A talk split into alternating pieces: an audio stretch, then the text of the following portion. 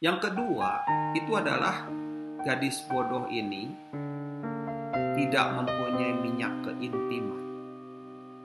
Dalam perumpamaan Matius 25 ini tentang gadis bodoh dan gadis bijak banyak yang menafsirkan bahwa minyak adalah minyak Roh Kudus.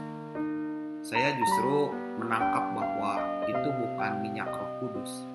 Saya menangkap itu adalah minyak keintiman, minyak momen ilahi di mana Tuhan ingin berbicara, Tuhan ingin beracara dalam hati kita.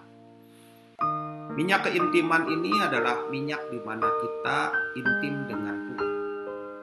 Keintiman itu bukan bukan dalam kondisi rame-rame, bukan kondisi di mana kita ingin melakukan, tetapi minyak keintiman ini justru Tuhan yang ingin, Tuhan yang memunculkan momen, Tuhan yang ingin menarik kita ke dalam keheningan, Tuhan ingin menarik kita dalam satu hubungan yang lebih jauh, hubungan aku dengan Dia.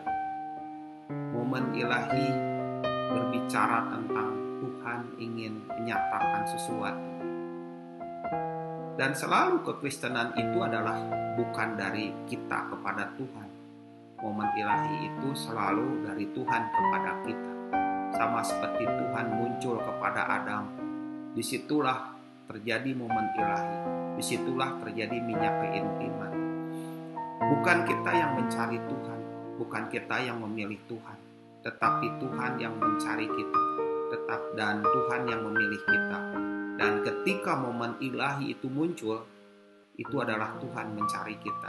Pada saat itu harusnya kita mengerti, harusnya kita masuk ke dalam satu level keintiman. Ketika momen ilahi muncul, Tuhan sering kali menginginkan respon yang benar, yaitu keintiman.